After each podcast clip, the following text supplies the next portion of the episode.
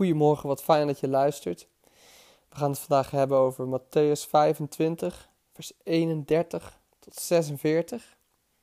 Ik wil je vragen om de tekst zo eerst te lezen.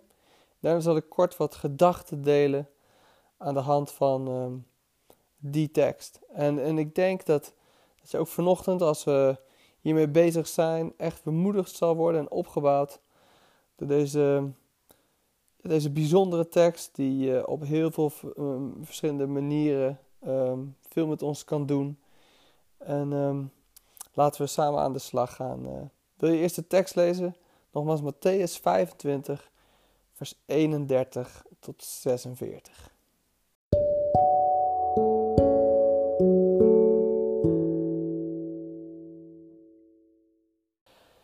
Als je random 5 teksten zou moeten kiezen die de wereld grondig hebben veranderd de afgelopen 2000 jaar, dan zou deze daar zeker tussen staan.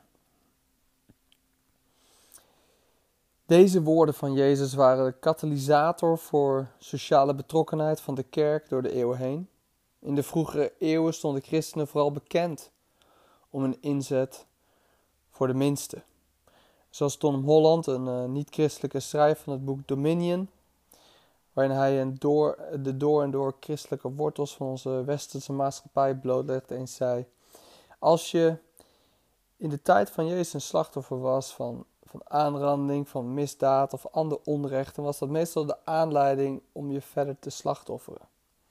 En dat we daar nu zo anders tegen aankijken, is de vrucht van het christendom en het oog hebben voor de minste. We vergeten dan ook snel dat onze wereld veruit de meeste ziekenhuizen, maar ook de vroegere weeshuizen, scholen, universiteiten, zorg- en liefdadigheidsinstellingen zijn gesticht door de volgelingen van Jezus. Breder dan dat zouden we kunnen zeggen dat onze hele sociale zorgstelsel voortkomt uit een toepassing van de Bijbel op onze maatschappij. Reeds in de Torah lag er veel nadruk op de zwakken alle bepalingen rond het Sabbatsjaar, het jubeljaar, het omgaan met leningen getuigen daarvan. Rabbi Jonathan Sachs vertelt in zijn boek Een gebroken wereld heel maken over de noodzaak van barmhartigheid als kernaspect van Joods zijn. En de rabbijnen hadden dan ook regels die vergelijkbaar waren met wat Jezus hier zegt. Daarnaast zijn er natuurlijk ook andere culturen, zoals bijvoorbeeld de Iraanse, waar gasten en gastvrijheid zo hoog in het vaandel staan. Het wordt gezegd dat je gasten moet behandelen als goden. daarin ligt trouwens ook een essentieel verschil met wat Jezus hier zegt, maar daar kom ik zo op terug.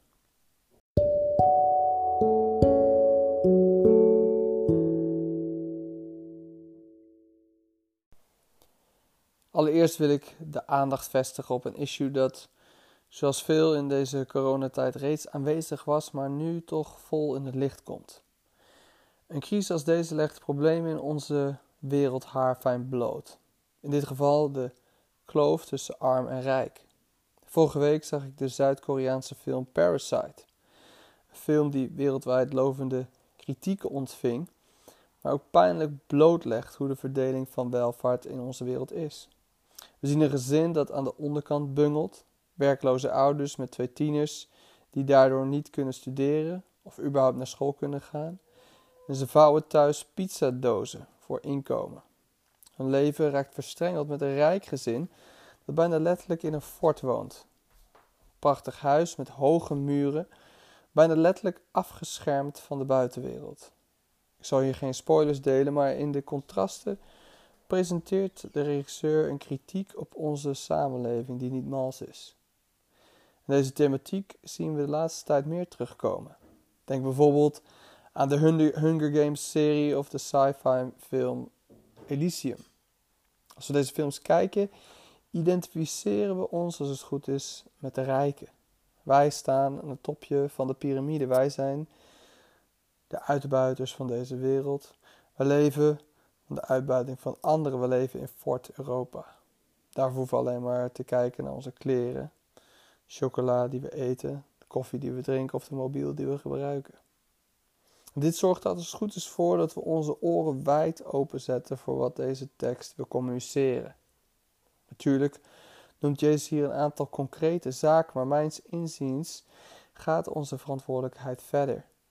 Door Jezus samengevat in de minste van mijn broeders. Ik geloof dat we als westerse christenen vrij gemakkelijk omgaan met onze consumptiemaatschappij. Durven we hier kritisch naar te kijken? Of gaan we makkelijk met de stroom mee? Een vraag die we best mogen overwegen en des te meer nu Sinterklaas weer voor de deur staat. Daarnaast spreekt Jezus ook heel duidelijk over de vreemdeling.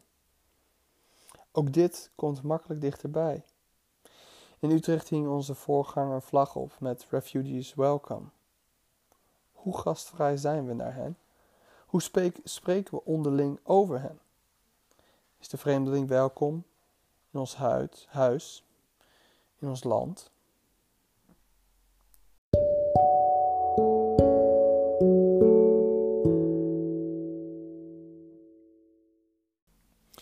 De tekst spreekt van het grote oordeel.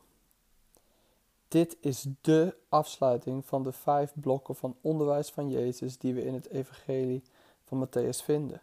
Begon met de aankondiging van het koninkrijk in hoofdstuk 4 en eindigt met de zoon des mensen die plaatsneemt op de troon. Dit is het einde van de wereldgeschiedenis.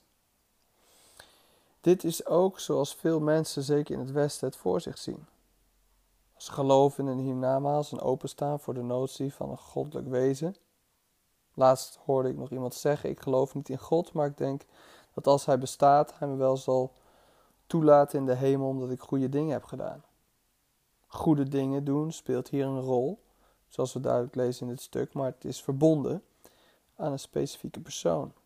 De tekst focust zich namelijk heel sterk op Jezus zelf.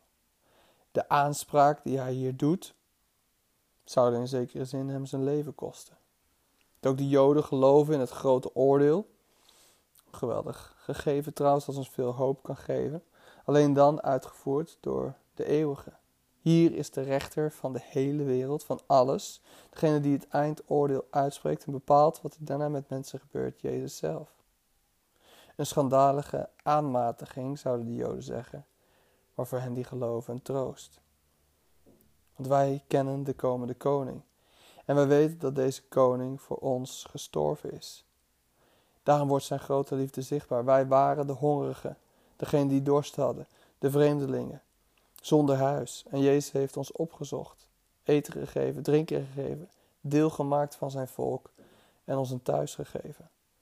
Wat een genade, wat een goedheid, wat een liefde.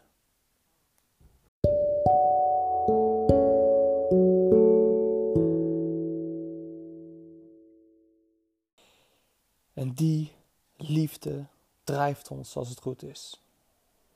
Drijft ons naar de ander. En daar gebeurt iets wat iemand als Moeder Teresa zo goed begreep. Daar ontmoeten we Jezus in de ander. Zij en haar zusters hadden de gewoonte om ochtends vroeg bij elkaar te komen in de kapel en Christus te aanbidden. Die er afgebeeld stond aan een kruis met de woorden: Ik heb dorst.